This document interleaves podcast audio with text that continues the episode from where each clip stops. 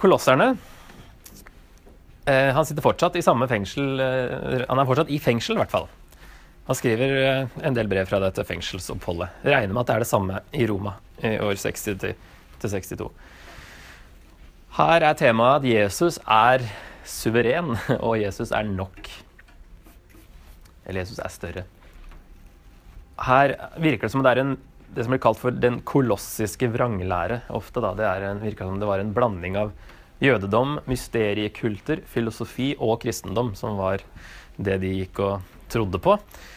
Eh, så han sier da at eh, hele Guds fylde finnes i Jesus, og de er blitt fylt av ham. Han er alt de trenger. De hadde masse sånne skikker for å liksom bli åndelige og sånne ting, som Paulus sier at det gjør ikke noe fra eller til. Eh, og så er det kapittel 1 der han eh, setter Jesus veldig høyt. Eh, når han sier vers 15 Han er den usynlige Guds bilde, den førstefødte før alt det skapte.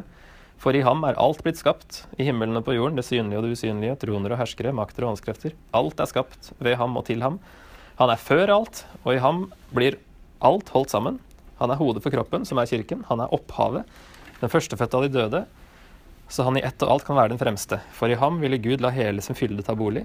Og ved ham ville Gud forsone alt med seg selv, det som er på jorden og det som er i himmelen, da han skapte fred ved hans blod på korset.